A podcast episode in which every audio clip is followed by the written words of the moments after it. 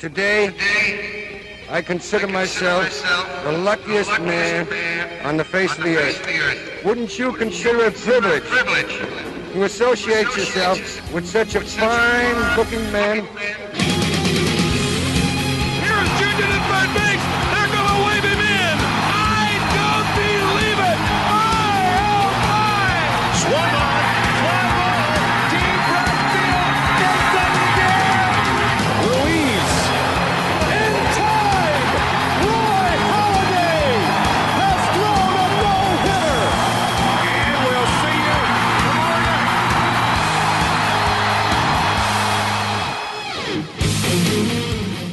Dit wordt een heel speciale aflevering van Sport Amerika's MLB podcast Just a Bit Outside. Want we hebben een nieuw segment in de podcast. We hebben een enquête voor de luisteraars. En geen Justin en geen Mike. Nou, wie zijn er dan wel? Nou, ik ben Sport Amerika managing editor Jasper Roos. En bij mij zitten Nick D'Alessi. Hoi. En wij presenteren The Return of the Myth and the Legend, Lionel Stuten. Ja, Nick eh, meet Lionel, Lionel meet Nick. Eh, dat is dan de eerste keer dat jullie met z'n tweeën tegelijkertijd in de podcast zitten.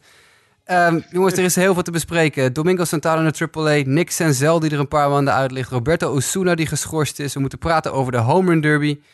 Maar we beginnen met onze nieuwste rubriek. En daarvoor heb ik een beetje inspiratie opgedaan eh, bij de 3 voor 12 podcast De Machine. Dat is een luistertip voor muziekliefhebbers die we misschien onder onze luisteraars hebben.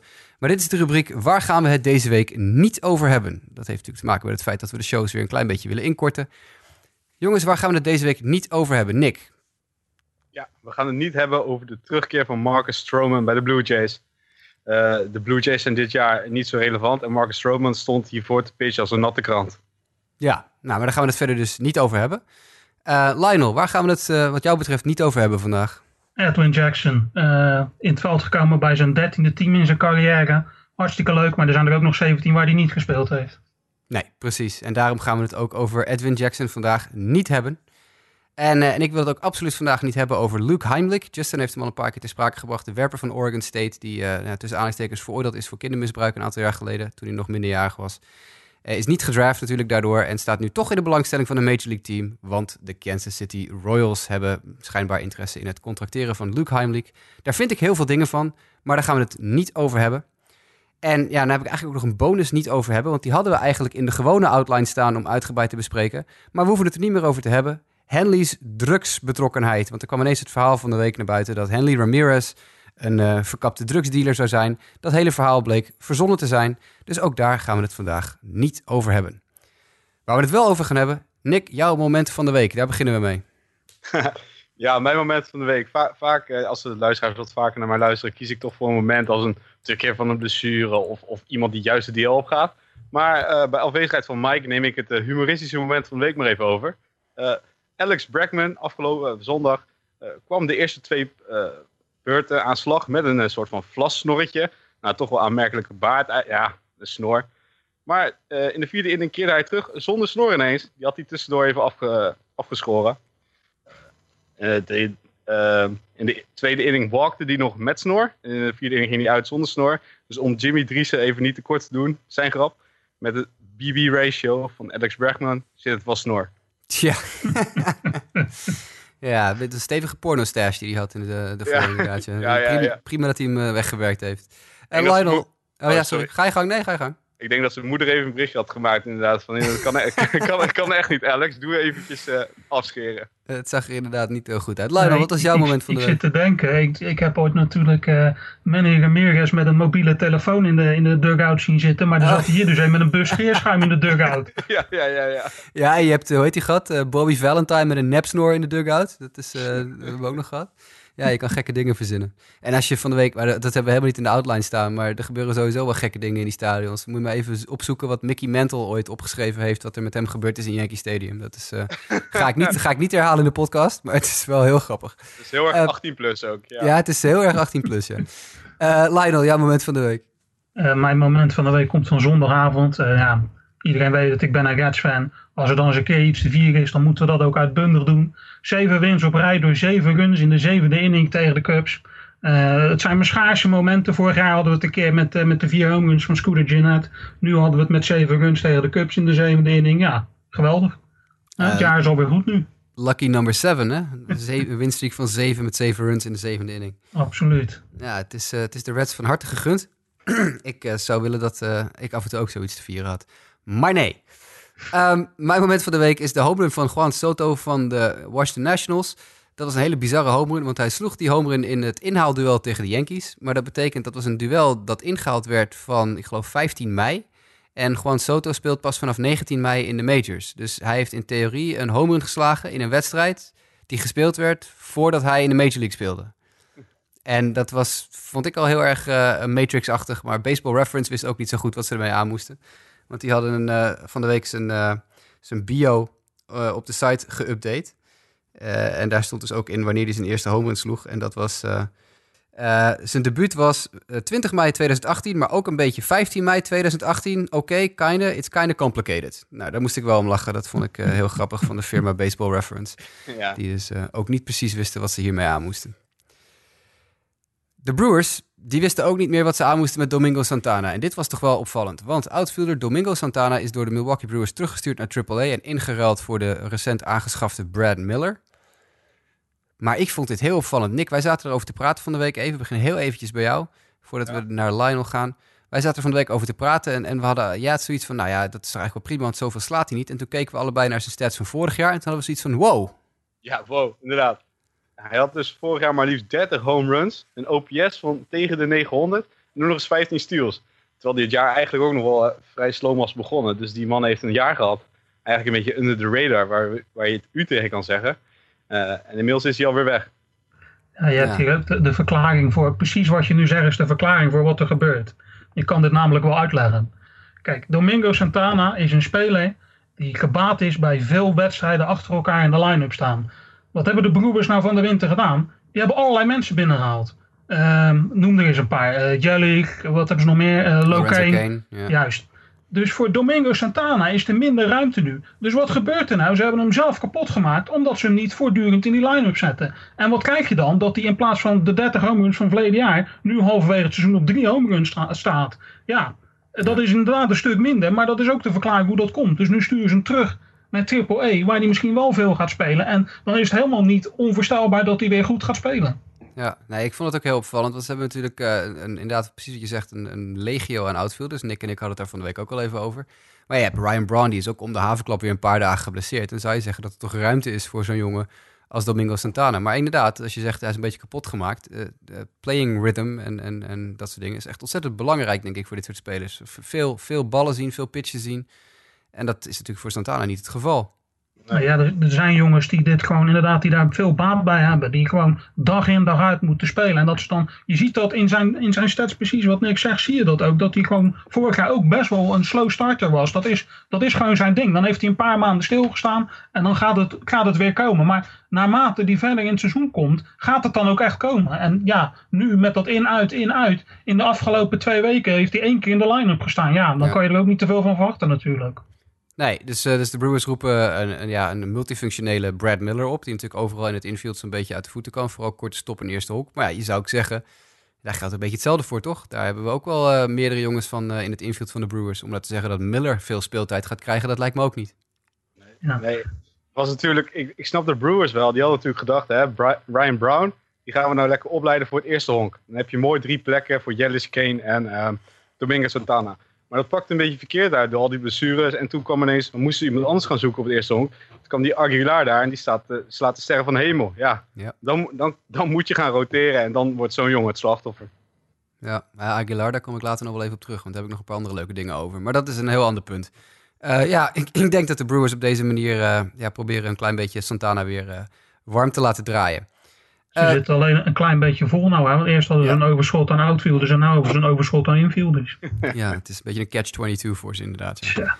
Ja. Um, we zijn ook een tijdje zonder Nick Senzel. Want de top prospect van de Cincinnati Reds, Lionel, heeft een pees in zijn vinger gescheurd. En die ligt er de komende paar maanden, toch even de rest van het seizoen in elk geval helemaal uit. Ja, wel heel zuur, heel zuur. Echt een beetje een horrorblessure. Um, voor wie niet weet wie Nick Senzel is... Um, Kijk, teams waar het slecht gaat, daar gaat het eigenlijk alleen maar over wat er in de toekomst gaat komen. Dus de afgelopen anderhalf jaar hebben de Reds fans het alleen maar over niks en zo gehad. Dit is de man die het voor ons gaat doen.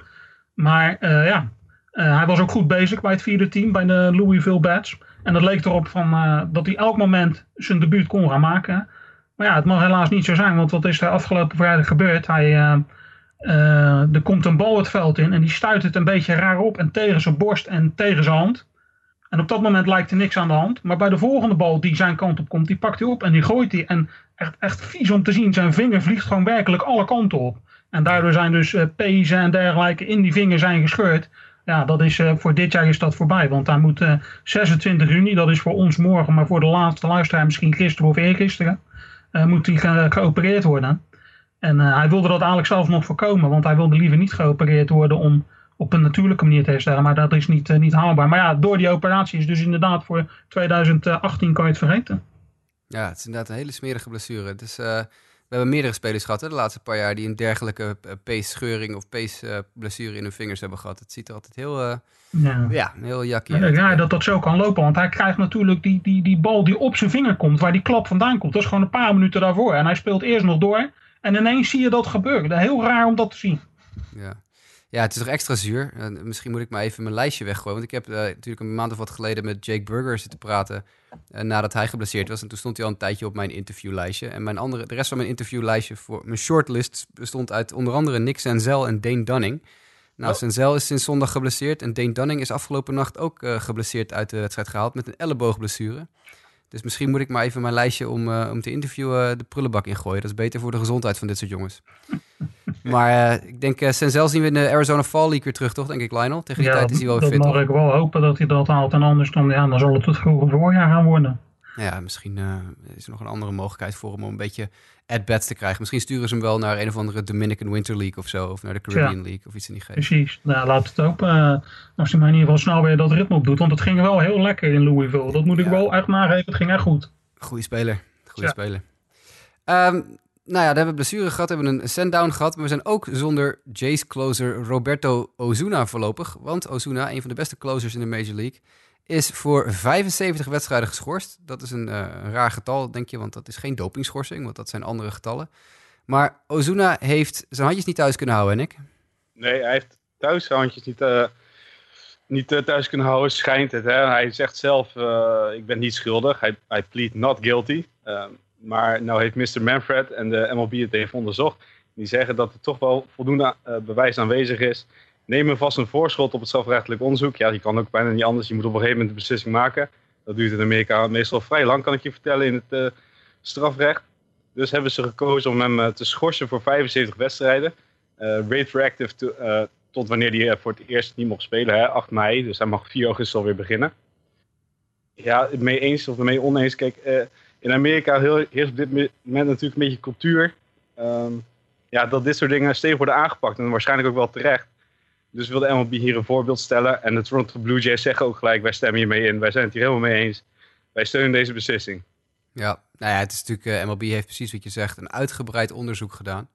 En uh, ja, je kan ervan uitgaan dat ze dan toch wel inderdaad voldoende aanwijzingen hebben om dat te doen. Het is wel op zich een opvallend uh, uh, ontwikkeling. Want het is wel een veel langere schorsing dan de, de tot nu toe langste schorsing voor domestic violence. Maar dat was José Reyes, die kreeg 51 wedstrijden een paar jaar geleden. En nu dus Osuna wordt gelijk naar 75 getild.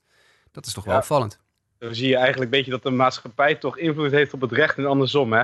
In, mijn, ja, in mijn opleiding hadden we het daar al vaak over. De maatschappij bepaalt eigenlijk een beetje wat er gebeurt. Ja. Nou ja, en het is natuurlijk, ja, nou niet willen we weer helemaal hashtag MeToo er zo erbij halen. Maar het is nu wel een hot topic.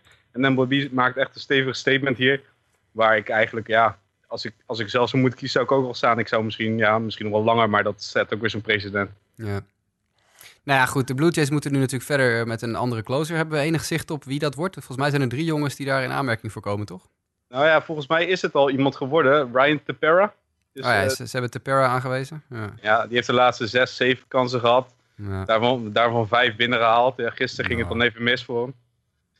Dus uh, de Tapera lijkt de opvolger, maar daar zijn ook alweer de trade rumors niet van de lucht. Want die heeft ja. nog club, club control en dat zal een trade target zijn voor een aantal contenders.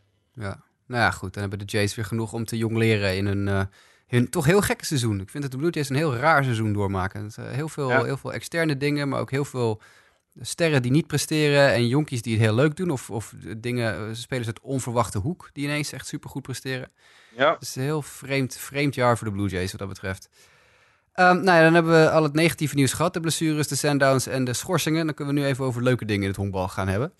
Uh, want die zijn er ook. Want MLB maakte afgelopen week bekend dat uh, voorafgaand aan de College World Series van volgend jaar... Hè, de College World Series van dit jaar, die staan op het punt van beginnen. Volgens mij beginnen ze vanavond. Ma maandag 25 juni is de eerste wedstrijd van de College World Series... waar Oregon State onder andere het op mag gaan nemen tegen die andere lui. Uh, en volgens... ik heb me nog niet verdiept in de College World Series dit jaar. Um, Niks voor jou. Nee, ja, ik heb er echt geen tijd voor gehad deze keer. En, en ik had het met Lionel voor de uitzending ook al even over. Dat uh, het WK voetbal uh, houdt toch ook redelijk de gemoederen, gemoederen bezig op dit moment. Uh, dus dan heb je toch altijd wat, heb je wat jong leren te doen. En daar komt bij dat de College World Series wedstrijden worden altijd vrij laat op de avond gespeeld in Amerika. Dus dat betekent ook dat het voor mij onmogelijk is om dat allemaal live te gaan kijken. Uh, maar goed, het is, uh, het is Arkansas tegen uh, Oregon State. Dan weten we dat ook gelijk weer. Voor de mensen die dat leuk vinden. Ik ben voor Oregon State.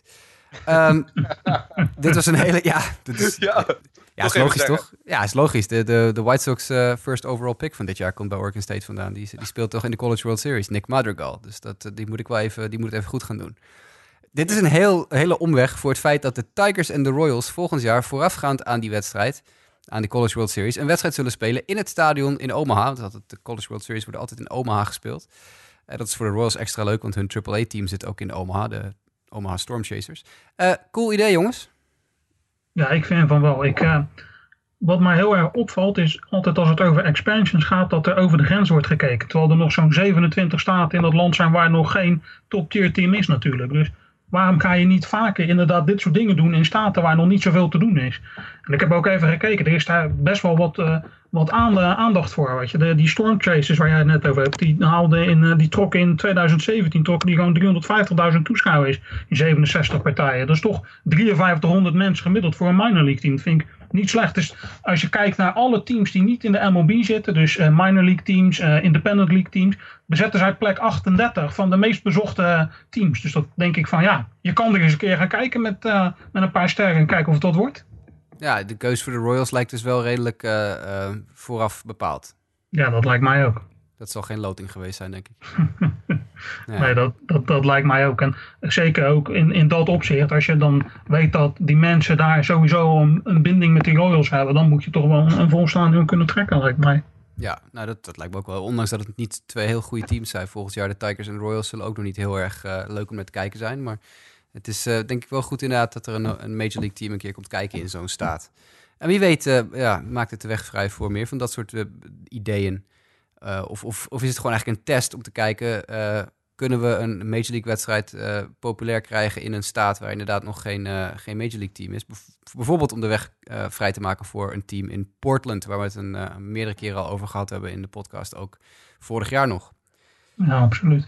Kijk, het is natuurlijk niet voor niks. Ze zijn ook naar Puerto Rico geweest, uh, Mexico geweest. Waar, het zijn allemaal wel gewoon serieus gebieden waar serieus over nagedacht wordt. Dus je, je kan hier wel uit afleiden dat in ieder geval in Omaha en omgeving, hè, en uh, Nebraska, dat soort plekken, weet je, dat, soort, dat daar toch wel over nagedacht wordt om daar iets te gaan doen. Blijkbaar, want dat, dat doen ze ook niet zomaar, blijkbaar is daar genoeg voedingsbodem voor. Ook qua media, qua supporters aandacht. Zal dat daar zo zijn en willen ze dat op deze manier testen?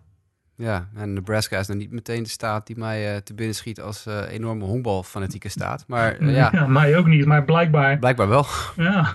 Nou, nou, we zullen het zien volgend jaar. Wel een leuk idee. En, en ja, we kunnen ook allemaal de College World Series nu nog even gaan volgen. Nu ik even nog snel heb geroepen dat die ook bijna beginnen. Um, dat is trouwens wel interessant sowieso. Als dat afgelopen is, dan gaan eindelijk al die uh, hoge draftpicks gaan ook een contract tekenen. Of die jongens die zitten te wachten op het, de contracten van de hoge draftpicks enzovoort enzovoort. Dus dan krijgen we in één keer weer heel veel contractnieuws wat dat betreft. Maar goed, dat uh, is een ander verhaal. Uh, we gaan naar trade nieuws, jongens. Het begint weer een beetje warm te draaien. We zijn eind juni, dan begint die, die hot stove en die, die, die, die trade market begint een beetje op te warmen. En de eerste serieuze nieuwtjes beginnen nu naar buiten te komen. Nick was al bezig met, uh, met hoe heet het? Nick de Pera van de Blue Jays. Die, die allemaal trade interesse genereert. Maar we hebben er nu weer, weer eentje bij. En een grote naam ook. Want John Paul Morosi die schreef van de week op dat de Philadelphia Phillies interesse zouden hebben in Adrian Beltre van de Texas Rangers.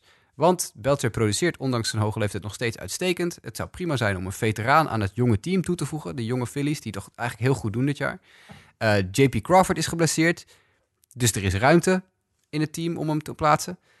Dus Adrian Beltre naar de Philly- Phillies. Vinden we dat een, eh, een logische move? Ja, ja ik, ik, ik, kijk, ik zit me nu eigenlijk net te bedenken. Ik had het vooraf niet zo bedacht. Maar zij hebben toch ook steeds achter Manny Machado aangezeten? Of zie ik dat nou verkeerd? Nee, dat klopt. Daar zijn ze ook in de afgelopen Ja. winter een paar keer aan gekoppeld. Ja, Ja, nou dan kan je natuurlijk beter dit doen. Dit is een stuk goedkoper, lijkt mij. Ja, dat Ik denk, ik denk dat Beltre te krijgen is voor één of twee mid-level prospects. Ja. Denk ik. Ja, Denk je niet? Het kan natuurlijk ook een tactiekje zijn van de Phillies. Van ja, we hebben nog wel andere opties, Orioles. Eh, we gaan echt niet de hoofdprijzen betalen voor Manny Machado. Ja, maar ja, ik snap hem niet zo goed, hè. Want je hebt dan tevens het gerucht dat de Padres dan informeren naar Michael Franco, de derde honkman van de Phillies. En ik zie die matches allemaal totaal niet. Ze hebben inderdaad bij, bij eh, de Phillies Michael Franco al staan hè, op de derde honk. Is gewoon een jonge speler, nog lang onder control. En dan gaan ze Beltray halen. En dan zouden ze Michael Franco naar de, naar de Padres doen. Die daar zelf Villanueva hebben staan. Ja, Villanueva vind ik nou weer niet, eh, niet echt een serieuze honkballer. Dus eh, wat dat betreft, eh, die heeft een paar leuke weken gehad dit jaar, maar daar is het ook wel een beetje mee, eh, mee gedaan. Ja, Franco heeft niet zo'n goed jaar natuurlijk. Hè. Dus misschien, en vorig jaar was hij ook al niet heel sterk. Misschien hebben de Phillies zoiets van, nou ja, we, zijn, we hebben het wel gezien met, eh, met die gozer. We gaan hem verkopen zolang we er nog wat voor kunnen krijgen op zijn naam. Daar zit wat in. Ja, daar zit wat in. Inderdaad, dan zou je inderdaad het, pot... Ja, kijk, het is nu lastig speculeren zonder dat je biedingen ziet of iets dergelijks. Eh, ik zie de match nog niet echt. Ik, ik, ik interpreteer het eigenlijk inderdaad wel een beetje als tactiek eh, van oriënteren, maar op allerlei vlakken. En uiteindelijk, als je toch voor de hoofdprijs wil gaan, dan ga je toch echt voor Manny Machado en niet voor Adrian Beltre. Nou ja, misschien hebben de Phillies het idee dat ze met Adrian Beltre dus die, die veteraan binnenhalen. Natuurlijk iemand die al zoveel meegemaakt heeft in de league. Eh, juist een team dat een playoff push aan het maken is, kan zoveel ervaring en zeker eh, zoveel productie. Want laten we niet vergeten, Beltre produceert nog steeds uitstekend. Zeker voor zo'n eh, een oude kerel.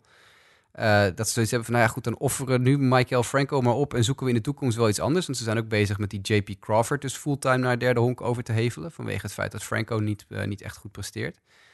Dus je zou kunnen zeggen, misschien, misschien is het idee van... nou, we hebben nu Beltray voor, voor de playoff push voor dit jaar... en voor de ervaring voor de jonkies. En dan kijken we verder volgend jaar wel hoe we dat gaan oplossen.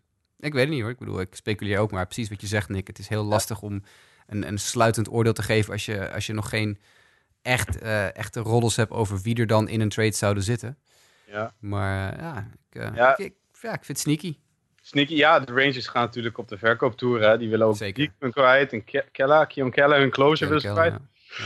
Ja, dat is, als ze een aardige hal kunnen halen. Maar ja, Belter heeft wel het probleem dit jaar een beetje. Ik, ik zie hem wel heel vaak op de DL verschijnen. Ja, dat is al jaren zo natuurlijk. Het probleem Ja. is bij Beltray inderdaad, hij speelt te weinig. Maar als hij speelt, is hij gewoon heel productief. De power is dit jaar een beetje afgenomen vergeleken met de laatste paar jaar. Dat is ook niet zo heel gek als je ziet hoe oud hij is. Ja. Maar hij slaat wel nog gewoon eh, eh, boven de 300 en zo. Dus, eh, Ja. ja, nou, we zullen het zien. Ik, eh, ik vond het wel een interessant rolletje. Ik denk dat, en John Paul Morosi is ook wel een serieuze bron. Dus als er, als er inderdaad, als hij iets roept, dan, dan is het waarschijnlijk meestal ook wel zo, in, in zekere mate. Dus eh, ja, ja, we zullen zien. Eh, we hebben een paar kleine blessuretjes, maar we, we lichten ze er vooral even uit vanwege het feit dat we ze nu maar de injury van de week noemen of zo. Want eh, we hadden twee, eh, twee pannenkoeken die eventjes ja, een jasje uitdeden, zeg maar. Te, te beginnen met Brandon Morrow van de Cubs, Nick. Die raakte geblesseerd aan zijn rug toen hij zijn broek uitdeed. ja, ik vind het wel de minste van de twee pannenkoeken hoor. Die andere is echt... Wat een pannenkoek. Maar goed, Brandon Morrow om te beginnen inderdaad. Die, die, heeft, dan, die, die heeft 16 saves dit jaar. Staat uitstekend te pitchen voor de Chicago Cubs. Eh, en dan komt hij met het verhaal. Ja, ik, ik heb eh, een spiertje in mijn rug eh, verrekt of iets dergelijks. Ik heb in ieder geval een rugblessure. Ja, ik stond op een uur of drie in, in het donker in, de, in mijn ja, een walk-in closet, denk ik dat het is. Mijn broek uit te trekken en daar komt het van. Het schoot er ineens in. Dat is dan de minste van de twee pannenkoeken hoor. Die andere wordt nog, steeds, wordt nog veel erger. Namelijk Hunter Strickland van mijn Giants. Eh, ja, die, die, die ver, verpestte de save op maandag tegen de Marlins. Kwam eh, in de game met drie runs voorsprong. Eh, verpestte dat. En sloeg vervolgens in de clubhouse zo hard tegen de muur dat hij dat hij iets in zijn hand verbrijzelde. Ja, dat is echt onvergeeflijk. Hunter Strickland staat sowieso al een beetje bekend als een... eh, ja, wat een, een heet hoofd is dan nog wel aardig uitgedrukt. Hè? Vorig jaar had hij bijvoorbeeld dat hij ineens Bryce Harper na drie jaar, hij had drie jaar een gris gehouden tegen Bryce Harper van de playoffs, dat hij ineens een bal naar het hoofd ging eh, gooien. En dan had je de hele brawl nog. Hunter Strickland is echt, eh, ja, die is gewoon niet helemaal goed, denk ik. Dat eh, heb jij gemist vorig jaar, want toen was jij nog geen lid van de podcast. En misschien heb je de episode niet gehoord, maar Lionel weet het misschien nog wel. Dat ik toen, toen dat gebeurde helemaal los ben gegaan op Hunter Ja, ik weet dat nog precies. En, en, en terecht, en terecht. maar ja, goed, in, in de traditie van Giants pannenkoeken wilde ik toch nog wel even iets delen. Want als ik denk aan pannenkoekblessures bij relievers, dan denk ik toch wel aan meneer Jeremy Effeld. Ik weet niet, die staat er volgens mij een beetje onbekend. Had ik even snel opgezocht wat hij allemaal had uitgespookt. Zo heeft hij bijvoorbeeld in een eh, wedstrijdje voetbal een tackle van zijn eigen zoon gehad. Waarmee hij de disabled list opging. Oh, Eh, heeft hij tij- tijdens een barbecue bevroren hamburgers aan elkaar staan snijden. En vervolgens met het mes een zenuw in zijn hand gesloopt. Dat weet ik nog, dat weet ik nog. Ja. Ja, tijdens een eh, uitje bij het rivier heeft hij dan ook nog, is hij uitgegleden op de, op de steiger. Is hij met een, eh, nou, heeft hij een flinke blessure aan zijn knie gehad. Maar om het even helemaal af te toppen, dit wordt echt, dit is nog de allermooiste.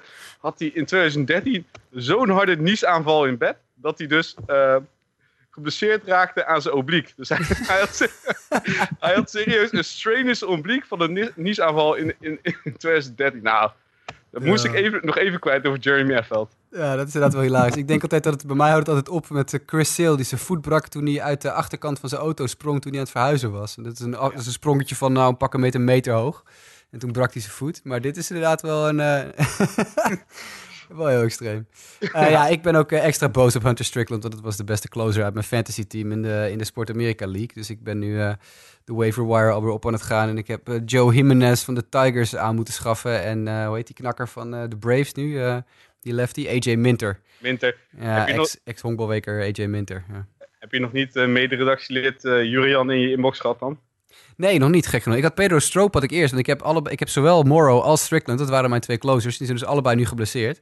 Ja? Eh, dus ik had eh, hun backup, of ik had de, backup van Morrow, Pedro Stroop, ook eh, binnengeharkt. Maar die had gisteren een ERA van 54 na één save-outing. Dus ik heb hem even weggewiebeld. Dat was die, waarschijnlijk was hij eh, betrokken bij die zeven-run inning van Lionel's Reds, waar we het net over hadden. Want eh, die heeft even in, in eigenhandig mijn ERA voor de week eh, proberen op te blazen. Dus die heb ik meteen geloosd vanochtend in ruil voor AJ Minter. Dat is ook wel leuk, want AJ Minter is een ex-honkbalweker. Dus dan hebben we tenminste daar ook weer een beetje een connectie mee. Maar goed, dit was eventjes tussendoor, jongens. De, de injury of the week dus. Eh, de Nationals hebben een deal gemaakt. Die hebben namelijk een nieuwe speler aangetrokken. Die hebben Kelvin Herrera, bekend van de, ja, de, de Kansas City Royals bullpen... waar we jarenlang al met, eh, ja, met toch heel veel verwondering naar kijken... hoe goed die zijn geweest. Kelvin Herrera is de laatste zo'n beetje die daarvan over was. En die is vertrokken nu. Die is richting Washington gegaan voor drie minor leaguers. Ehm, bekijken we dit eerst even vanuit het perspectief van de Nationals. Is dit een, eh, een goede deal voor de Nationals? Ik denk dat dat een beetje een understatement is om te zeggen ja, toch? Ja, lijkt mij wel. Het was, het was niet per se een zwakke punt, maar Kelvin Herrera die tegen deze prijs toevoegen is wel, is, ja, zou ik wel doen ook. Is dit... eh, Ja. Ja, ik wil zeggen, is dit, misschien heeft het iets te maken misschien met het feit dat vorig jaar zijn de Nationals natuurlijk heel lang ja, eigenlijk afgezeken, ook door ons, over dat ze zo vreselijk lang wachten met het verbeteren van hun super, super zwakke bullpen. Dat hebben ze toen uiteindelijk gedaan. Op de, op de valreep hebben ze nog eh, halverwege het seizoen eh, Ryan Madsen en Sean Doolittle van de Oakland Athletics overgenomen. Maar ze zijn wel eerst wel vijf maanden lang verguisd door alles en iedereen vanwege het feit dat hun bullpen zo slecht was hebben ze denk je gewoon dit jaar nu zoiets gehad van... nou ja, we zijn dit jaar niet zo heel slecht in de boelpen... maar laten we het zeker voor het onzekere maar nemen... en laten we nog maar even pakken wat we pakken kunnen... voordat we weer gezeik krijgen? Ja, dat zou kunnen inderdaad. Dat is, je ziet dat wel vaker nu je dit zegt. Ik was dit eigenlijk alweer een beetje vergeten, maar dit klopt inderdaad. En dat- je ziet dat wel vaker dat ze dan het jaar erop precies het tegenovergestelde doen om in ieder geval maar het zeker voor het onzekere te nemen. Dat, dat zou inderdaad wel gewoon de gedachtegang achter heel deze trade kunnen zijn. Of Ja, en deze Herrera- deal. Herrera is natuurlijk een closer geweest eh, bij de Royals de laatste paar jaar... maar dat gaat hij bij de Nationals denk ik niet doen, hè? Nee. Ja, nee. Nee. dat lijkt mij ook niet. Sean, Sean, Doolittle, Sean- Doolittle zal de closer blijven. Dat is al wel gebleken hè, achteraf. Daarnaast heeft hij al drie keer de, de negende inning gehad. En eh, eh, Herrera aan de achtste. Ehm, ja, vorig jaar hebben ze natuurlijk Madsen en Doolittle gehaald. Zullen ze ongelooflijk blij mee zijn. Maar eh, wat ze daarvoor opgaven was onder andere Blake Trine. Wat gewoon een, een all-star is bij de Oakland A's op dit moment. Die staat in ons seizoen te pitchen. Tja. Ik denk, ja, zullen ze ook nog wel even achter de oren krabben. Wat, een- wat een magisch, magier is dat. Ja, nou ja die, heeft, die heeft jaren bij de Nationals gezeten en ze kon hem niet aan de gang krijgen. Dus ja, dat is weer zo'n prototype eh, nieuwe, nieuwe omgeving uh, jongen die dat even nodig had om in een nieuwe omgeving te gaan ballen. Um, of die uh, de jongens die ze nu naar de, de Royals hebben gestuurd iets gaan worden, dat zullen we nog even af moeten wachten. Dat waren drie minor leaguers. Kelvin Gutierrez, een infielder, Blake Perkins, een outfielder en rechtshandige werper Johansel Morel. Nou, vooral Gutierrez en Perkins zijn de interessante spelers in deze deal. Dat waren de nummers 10 en 11 uit het Nationals prospect systeem wat betreft MLB.com. Uh, dat, ja, dat zijn toch best wel jongens die hoog op de, op de lijst staan. Maar nogmaals, die zijn nog jong, dus dat, dat duurt nog even. Voor Kelvin Herrera wordt het denk ik niet zo'n probleem om in te voegen bij de Nationals. Want ja, die, die setup rol die heeft hij bij de Royals ook een paar jaar vervuld achter toen Wade Davis. Ja. Dus, dus ja, ik, ik, vind het wel een slimme move. Ik, ik vind de Nationals, ja, wat dat betreft zijn ze inderdaad slimmer geworden dan vorig jaar, denk ik. Dat is toch iets, een, ja, een dingetje wat ze denk ik niet meer zouden willen hebben. Ik vind het alleen altijd, maar dat vind ik bij alle deals, niet alleen bij deze, bij alle deals, lastig te beoordelen wat ze nou precies opgeven als ze drie van die, van die, van die prospects wegdoen. Snap je wat ik bedoel? Ja, ik dat blijf ik in elke deal altijd weer lastig vinden. Weet je? Wat geef je nou precies weg? Nou ja, dat is, dat is waar talentevaluatie uh, zo ontzettend in, uh, naar voren komt natuurlijk. Hè. Ik bedoel, dan moet je enorm vertrouwen hebben in je scouts. Uh, en, en enorm afgaan op wat, wat zij zeggen.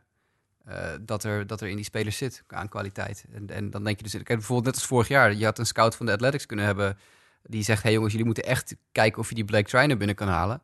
Want die gozer die kan echt enorm goed gooien als er maar één of twee dingetjes veranderen. Dus je, je, je vertrouwt gewoon heel erg op je talentevaluators. Ik kan me dat, uh, dat het allermooiste voorbeeld daarvan, van zoiets, vind ik altijd nog de, de trade van jaren geleden. Kennen jullie de rapper Matt Thornton nog? Van onder andere de Boston Red Sox en de White Sox en de Yankees en de Mariners en noem maar op. Die lefty. Jawel, jawel. Nou, die, is, uh, die was gedraft door de Mariners. En die is uh, lefty met een 100 mijl per uur fastball in zijn arm. Fantastisch, maar hij kon er maar geen slag mee gooien.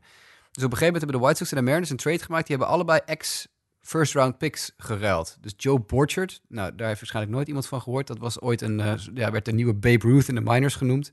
Is nooit wat geworden. Heeft nog steeds het record voor verste home run ooit geslagen in het stadion van de White Sox. Maar verder heeft hij nooit een bal geraakt. Die is naar de Mariners gestuurd. En de Mariners hebben Matt Thornton naar de White Sox gestuurd. En dat is, het verhaal is honderdduizend keer besproken daarna. Alleen maar vanwege het feit dat Don Cooper, de pitching coach van de White Sox, zei... Ik weet dat er één dingetje in die gooibeweging van die Matt Thornton is. Als we dat veranderen, dan wordt hij de beste reliever die we hebben. En hij heeft dat veranderd. En Matt Thornton heeft miljoenen verdiend nog daarna. Want hij is zes, zeven jaar bij de White Sox een van de beste lefty setup mensen in de, in de majors geweest. En heeft toen vervolgens nog jaren doorgepitcht bij de Yankees en de Red Sox en noem maar op. Je moet maar net één zo'n talentevaluator in je organisatie hebben die zegt: Ik zie iets in die jongen. En we, kunnen, we, kunnen, we kunnen deze gast wel lozen. En ik denk dat dat ook in dit geval weer heel erg duidelijk is met het traden voor de jongens. Je moet gewoon blind varen op je. Als je als je, je scouts vertrouwt, dan, dan moet je dit soort deals maken. Net als Blake Trainer, zoals Nick die al aanhaalt vorig jaar voor de Ace, denk ik. Ja, ja precies. Nou, dat is een heel lang verhaal weer. Dat is uh, goed. Kelvin Herrera naar de Nationals. Af en toe dan mag ik eventjes uitweiden. Um, we gaan naar ons uh, home run derby blokje. Want er kwam van de week uh, wat interessant nieuws naar buiten. Ten eerste hadden we het vorige week natuurlijk al over Bryce Harper... die gelokt werd naar de home derby... vanwege het feit dat hij in Washington is dit jaar. Uh, maar toen is er ook tegelijk naar buiten gekomen... dat een aantal prominente sluggers zich afgemeld heeft. Namelijk Aaron Judge heeft al gezegd dat hij dit jaar niet meedoet. Titelverdediger Aaron Judge... JD Martinez, ook een van de beste powerhitters in de Major Leagues, heeft gezegd: Ik doe niet mee. Mookie Betts, zijn teamgenoot, doet niet mee. Zelfs Glaber Torres, de, de rookie van de Yankees, was ook al benaderd. Die heeft ook gezegd: Nee, ik heb geen interesse. Dat zijn toch heel grote namen die niet meedoen aan de Home Run Derby. En toen, toen bedacht ik eigenlijk iets. Uh, als jij nou een Home Run Derby veld mag samenstellen, Nick en Lionel. Wie kies je dan? Vier spelers voor de American League en vier spelers uit de National League die je tegen elkaar op gaan nemen in de Home Run Derby van 2018. Lionel, wie zou jij toevoegen aan jouw Home Run Derby veld? Ja, nou, ik wil hier eigenlijk wel twee dingen over zeggen. Ik kan je wel acht namen noemen. Zo uit de losse pols dat ik denk van nou, kom maar op. Laten we zeggen Trout, Cruz, Stanton en Didi aan de ene kant. Harper, Arenado, Ozzy en Trevor Story aan de andere kant. Prima line-up. Maar wat ik veel liever zou zien, want die Home Run Derby is me echt een doorn in het oog dat ze nou eens ophouden met zoeken naar spelers die nu actief zijn en die mij alsjeblieft willen komen naar die home run derby als iedereen ieder jaar zegt van we doen het niet. Ja. Doe het dan anders. Stop dan met al die spelers iedere keer banalen, weet ik veel, de 25ste man uit de line-up van, eh, weet ik veel, Cincinnati of wie dan ook. Maar ga gewoon zoeken naar jongens die wel willen. Benader eh, spelers die net in de afgelopen vijf jaar gestopt zijn. Eh, weet ik veel, bel David Ortiz op. Benader iemand uit de NPB. Vraag of, of Vladimir Valentin over komt vliegen. Haal een paar jongens uit de minor league. Haal wat mensen die willen komen en die goed kunnen slaan. Weet je, haal ze niet van de tribune af. Dat is weer een beetje het andere uiterste. Maar zoek gewoon een paar goede jongens die wel willen slaan en die gewoon willen komen. Dat je een beetje een serieuze wedstrijd krijgt. Want dit slaat helemaal nergens op. Ik, ik moet zeggen, we hebben dit totaal niet besproken vooraf dat jij dit zou gaan zeggen. Ik vind het een fascinerend idee. we hebben toch een paar jaar geleden ook al gezien dat eh, Barry Bonds toch een paar van die huidige major leaguers er nog steeds uitsloeg, hè? Ja, Dus dan zou je zeggen, voeg Barry Bonds toe aan het home op een achterafveldje bij de Marlins destijds was dat toch. En die versloeg onder andere Stanton toen. Hè? Ja, precies. Ja, nou dat bedoel ik. Dus dat, daar is toch het bewijs dat dit gewoon best wel zou kunnen werken. En dan heb je in ieder geval mensen die gemotiveerd zijn om te komen. Die ook kracht in die knuppel hebben. En dat je iets leuks te zien krijgt. Maar nu, dan moet je, weet ik veel, dus, eh, ze komen allemaal niet. Dus doe dan die maar. Ja, dan houdt het toch op. Ik vind het eh, een geweldig idee dat we inderdaad een finale krijgen tussen Barry Bonds en David Ortiz of zo. Dat lijkt me echt Ja, fantastisch. dat zou toch mooi zijn. Dat zou toch vet zijn. David Ortiz tegen Vladimir Valentin. Dat is toch geweldig. Ja, dat is wel tof, ja. Ja, Ja, ook, liefde, liefde voor, eh, voor Coco natuurlijk. Dat, eh, Daarom. dat sowieso. Ja, maar, ja. Ja, ik vind het vet. Nou ja, Nick, ik denk dat jij niet deze, niet deze invalshoek hebt genomen. Ik denk dat jij eh, eh, acht spelers hebt gekozen die je graag in de home run derby zou willen zien. Gooi ze eruit. Had mij nou gewoon lekker als eerste laten gaan. Ja. ik wist Had niet ik dat dit zou gaan gebeuren. Nee, nee, ik ook niet. Maar ik, ja, ik zit naar de WK-voorbeschouwing te kijken en ik zie daar Yes Air zitten. En Oh. eh, dan denk ik, nou, ik ga me nou een beetje uit als Yes Air. Dan ben ik echt, eh, nou ja, zeg maar, het debieletje van de groep die ook wat te zeggen heeft. Eh, ja, ik had, ik had opgeschreven, Harper als hometown hero moet meedoen. Eh, hij heeft ook gezegd dat hij mee gaat doen als hij wordt gekozen als de All-Star Game. Daar staat hij heel goed voor. Arenado had ik ook, die hoorde ik ook Lionel, dus daar ben- zijn we het eens. Wie ik wel zou willen toevoegen aan NL, ja, deze man heeft nog nul home runs geslagen dit jaar, is Madison Boomgarner. Ah, ja, tuurlijk. Ja, maar dat zou ik ook mooi vinden. Dat is precies zo'n type die hierin past, in, in, in mijn plan. Haal zo'n jongen er dan bij. Je, nou snap ik wel dat dat dan weer niet zo goed kan vanwege, nou ja, hè, gevaar op blessures en dergelijke. Maar toch, haal dan dat soort jongens erbij. ja, ik, Goed ik, idee, man. Absoluut. ik dacht dat wel. En, en dan, ja, ik had dus Harper en Arenado, ja, die, die horen erin. Weet je, wel één zo'n jaar van iemand die het dan wel verdient, vind ik, om erin te staan, omdat hij echt uitzonderlijk veel home runs slaat. Had ik, in de, had ik CJ Cron bijvoorbeeld staan, hè. Eh, Eddie Rosario van de Twins. Maar, eh, en ik had ook nog een kanttekening in, Palka van de White Sox. Daniel Palka, ja, dit is, ja, dat is er ook wel eentje. Ja. Gisteren weer, hè, 115 mijl per uur exit velocity voor een home run. Die, eh, die staat eh, hard te beuken, ja. Nou, ik ga verder niet meer mijn lijstje afwerken hoor. Want na dit, na dit betoog moet ik me aansluiten bij eh, Lionel. Ik, eh, ik ga er verder niet meer tegenin. Nou, ik ga het gewoon wel doen hoor, dus als je nog wat kwijt wil, doe het gerust. Eh, even kijken hoor. Eh, José Ramirez hoort erin van de, van de Indians. Staat als een, eh, als een beest te slaan. Ik vind Edwin eh, zo, Encarnacion verdient het. Eh, eventueel Lindor, maar dan heb je natuurlijk twee jongens van hetzelfde team. Eh, ja, Goldie is weer hot. Ja, ik, ik, ik weet niet. Ik ben een beetje ondaan, eh, Lionel, merk ik.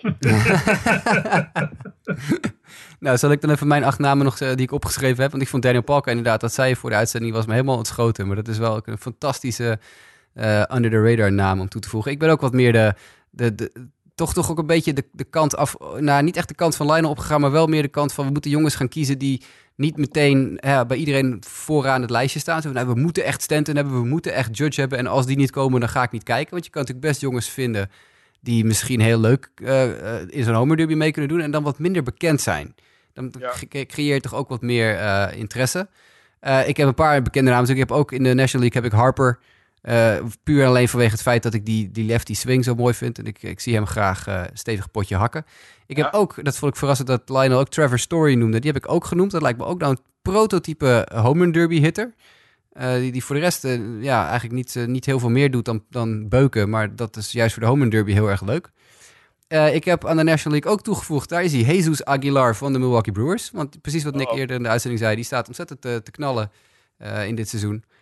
En waarom dan niet Jesus Aguilar in de home run derby zetten? Lijkt me hartstikke leuk. Eh, en ik heb Kyle Schwarber voor de National League. Kyle Schwarber Ah. van de Chicago Cubs. Want Ja. ook daarvoor geldt, dat lijkt me nou voor de Home Run Derby een heel vermakelijke hitter. Absoluut. Eh, en, en in de American League heb ik, even kijken. Ja, ik heb in ieder geval ook Eddie Rosario, Nick, die jij ook noemde. Dat, die, die vind ik ook, eh, ja, daar hebben we het al over gehad in de All-Star uitzending. Dat ik vind dat echt, dat die moet de All-Star game in. Ja, die staat 958 de OPS hè, dit Dat jaar. is niet normaal. Hij heeft ook weer twee weken achter de rug nu. Dat gaat helemaal nergens meer over. Fantastische speler. Eh, ik wil Manny Machado wel in de Home Run Derby zien. Dat lijkt me heel geinig. Geinig als je toch een grote naam hebt. En dan balanceren we dat eventjes uit met eh, Matt Olsen van de Oakland Athletics. Die ook echt een enorme power bat heeft. Ook een mooie Home Run Derby naam lijkt me dat. En ja, Joey Gallo jongens. Hoe Ja.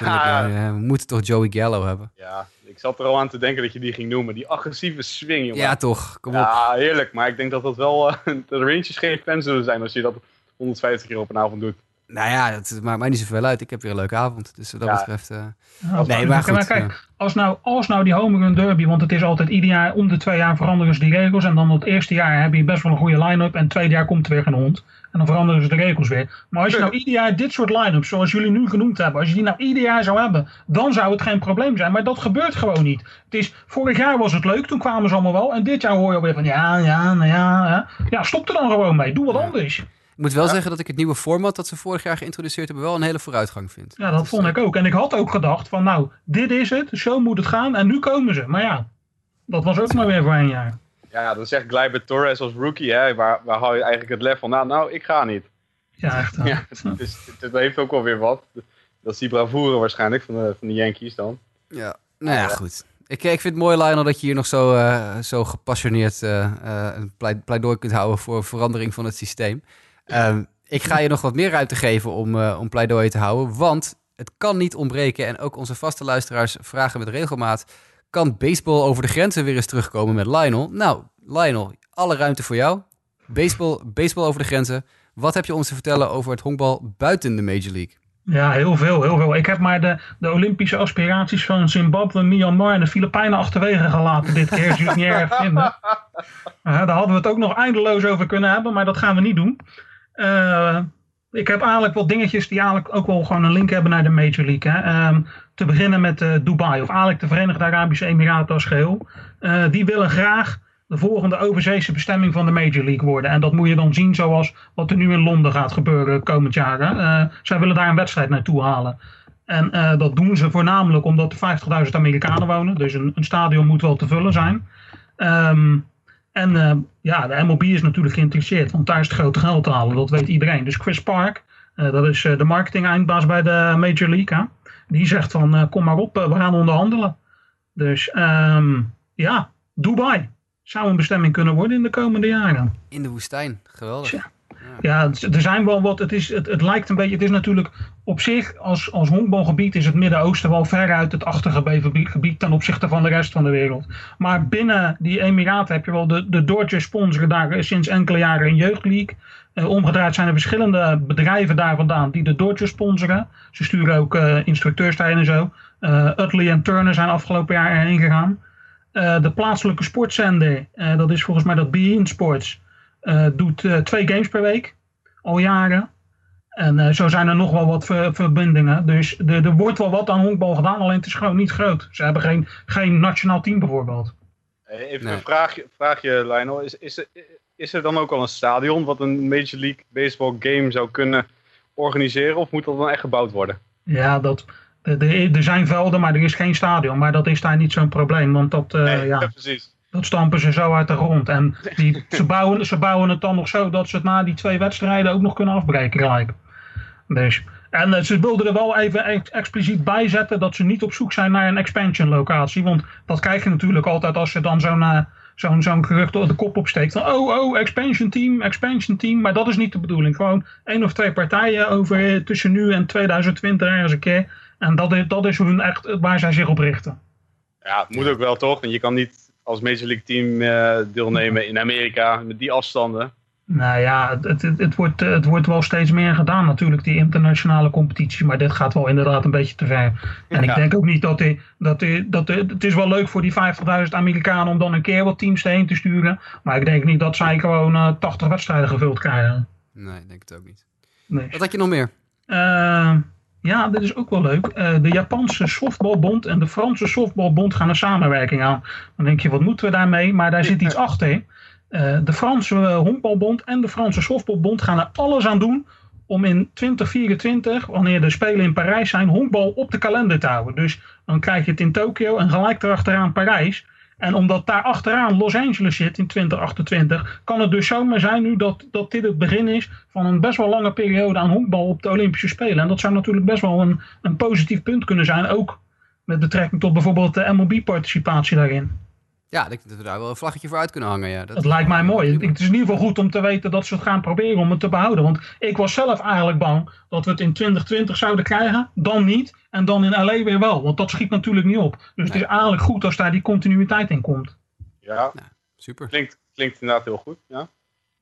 Ja, dat is dus, en wat die samenwerking betreft, je, je weet hoe zo'n samenwerking eruit ziet. Er gaan spelers daarheen, er komen instructeurs hierin en over een jaar horen we er niks meer van.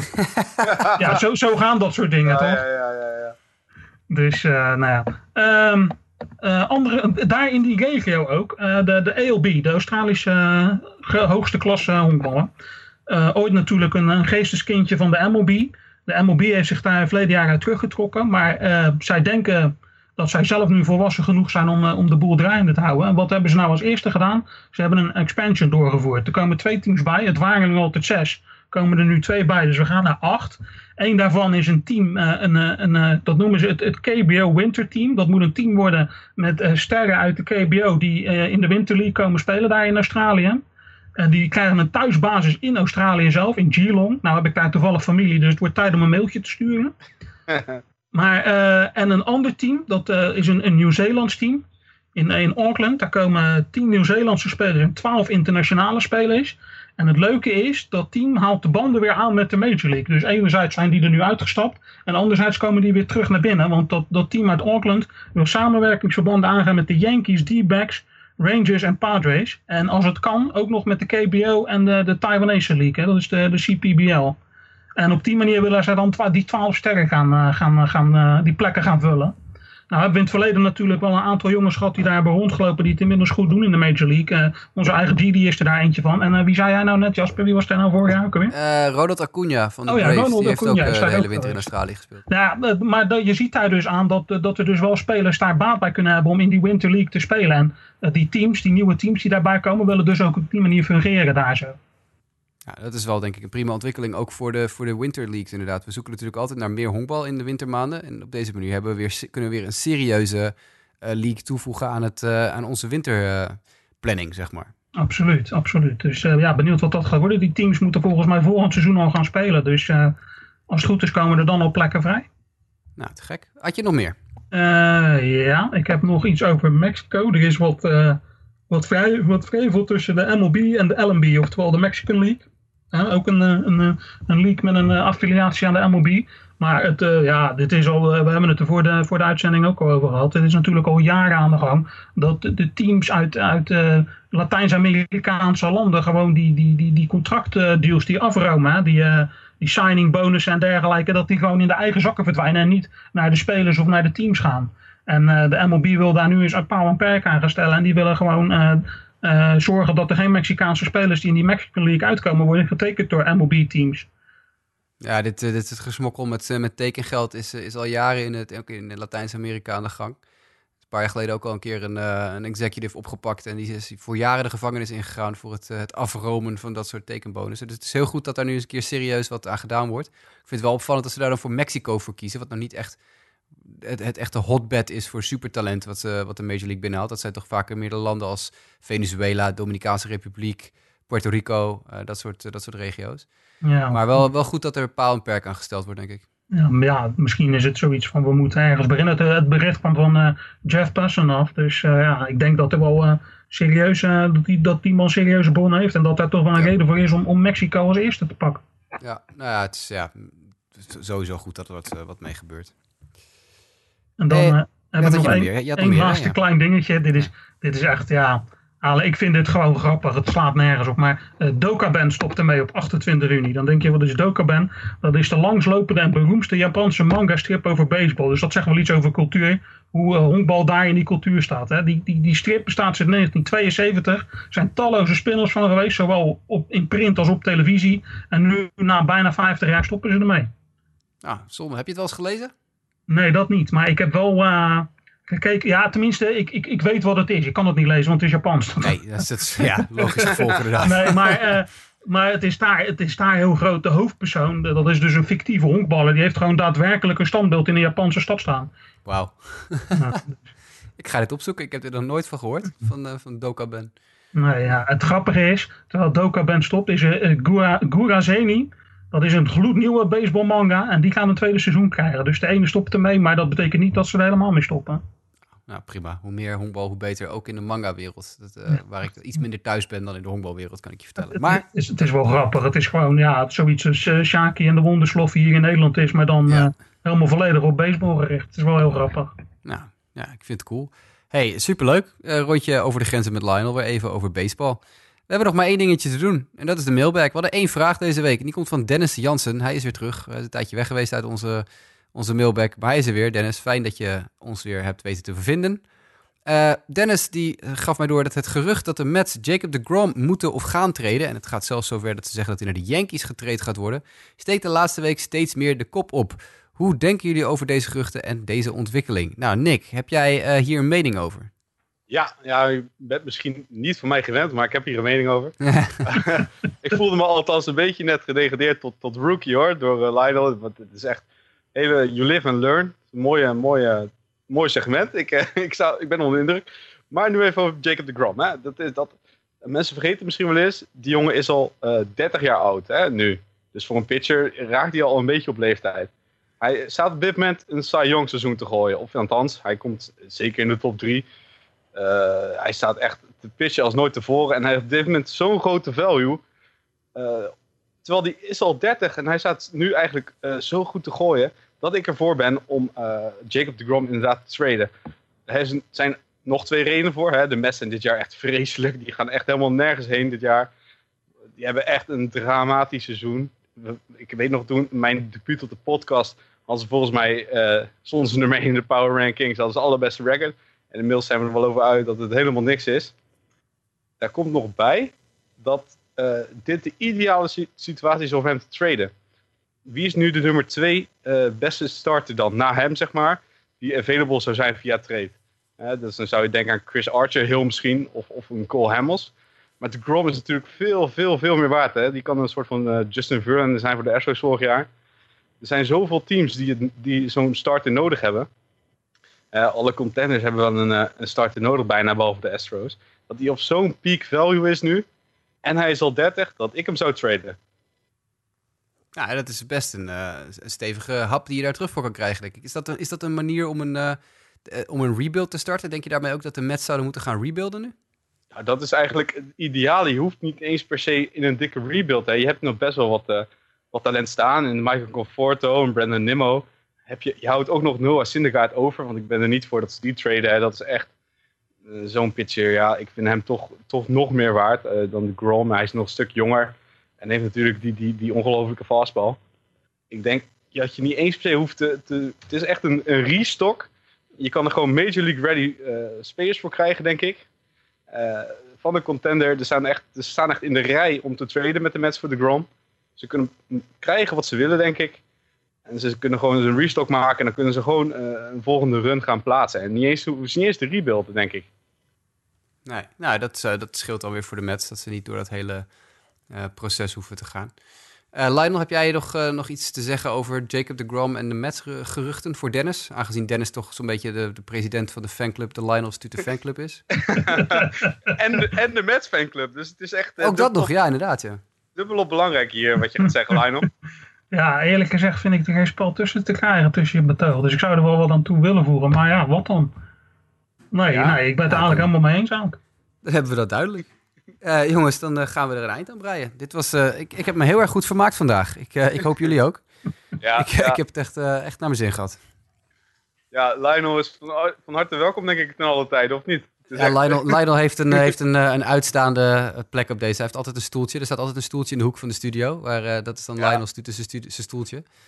Eh, en, en als hij aan wil schuiven, mag hij aanschuiven. En ik vind het super fijn, Lionel, dat je vandaag met, in afwezigheid van eh, de andere usual suspects, Justin en Mike, die allebei eventjes eh, een beetje op vakantie zijn. Volgens mij zit Mike zelfs eh, in het Metstadion eh dit weekend. Ja, dat klopt inderdaad. Hè. Die is inderdaad bij de match.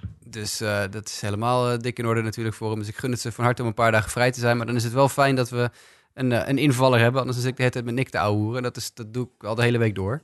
Dus dat is, is wel gezellig als er, als er ook iemand bij is die, ja, die, die bijvoorbeeld baseball over de grenzen kan brengen. Want dat is toch iets waar wij inderdaad niet heel veel mee kunnen, mee kunnen praten. Hey guys, super bedankt. Ik vond het erg gezellig.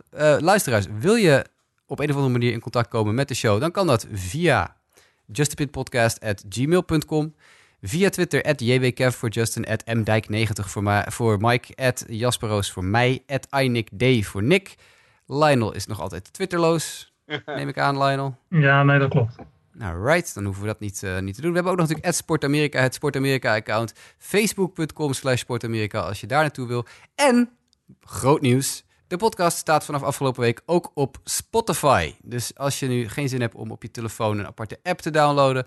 of als je niet eh, naar ons wil luisteren via de artikelen op de website... we staan nu ook op Spotify. En als we het daar toch over hebben, we hebben een enquête gemaakt. Jawel, we hebben een luisteraars-enquête gemaakt. Ik refereerde er al even aan, aan het, eh, in het introotje wat ik, eh, wat ik had. Maar wij willen graag van jullie weten wat jullie van de podcast vinden, wat we beter kunnen doen, wat er goed gaat, wat er niet goed gaat, enzovoort, enzovoort. Dus we hebben een uitgebreide enquête gemaakt. Eh, die staat onder andere in het artikel op de website. Die staat in de show notes. Dus je kan op de link klikken in de show notes. Dan word je naar- regelrecht naar de enquête toegebracht. En eh, nou ja, we zouden toch aan, aan zoveel mogelijk luisteraars willen vragen of ze die eh, ja, in willen vullen, eigenlijk voor ons. Dat, dan, kunnen wij daar eens even ons over buigen. Hou, hou je niet in. Vertel, vertel rustig alles wat je kwijt wil over onze show. Je mag cijfers geven, je mag, je mag zelf tekst typen, noem maar op. Het is uitgebreid. Dus ik hoor heel graag, eh, ja, wij horen eigenlijk heel graag wat jullie van de show vinden. Want we willen natuurlijk altijd verbeteren en nog beter worden dan we al zijn. En we hebben toch het idee dat dat ja, de beste feedback komt bij de luisteraars vandaan, denk ik toch. Absoluut. Ik wil er nog wel even één ding aan toevoegen. Eh, we hebben afgelopen eh offseason een prijsvraag gehad. Die prijs is uiteindelijk nooit geclaimd. Dus die ga ik nu verloten aan iemand die de enquête invult. Nou, nou hartstikke vet. Dat, ja, ja, we hadden natuurlijk die, eh, die, die prijsvraag over de grote drie, hè, waar die zouden terechtkomen. Dus Ja, eh ja. Nee, superleuk, supergoed. Eh Nick, Nou, gaan we regelen. Dus vul alsjeblieft allemaal die enquête in. Nogmaals, je vindt hem in de show notes eh, van de show. Dus als je hem op een podcast-app luistert, kan je daar op die link klikken. En anders dan staat hij ook in het artikel op de website. Dus zoek dan even eh, dat artikel op van deze podcast-aflevering. Heren, we zijn rond. We gaan lekker eh, Spanje-Marokko kijken. Marokko staat 1-0 voor. Ja, Dus dat, eh, dat wordt hartstikke leuk. Dus eh, ga lekker even genieten van je avond, jongens. Ik ga een podcastje mixen. En ontzettend bedankt voor jullie aanwezigheid. Luisteraars, bedankt voor het luisteren. En tot volgende week.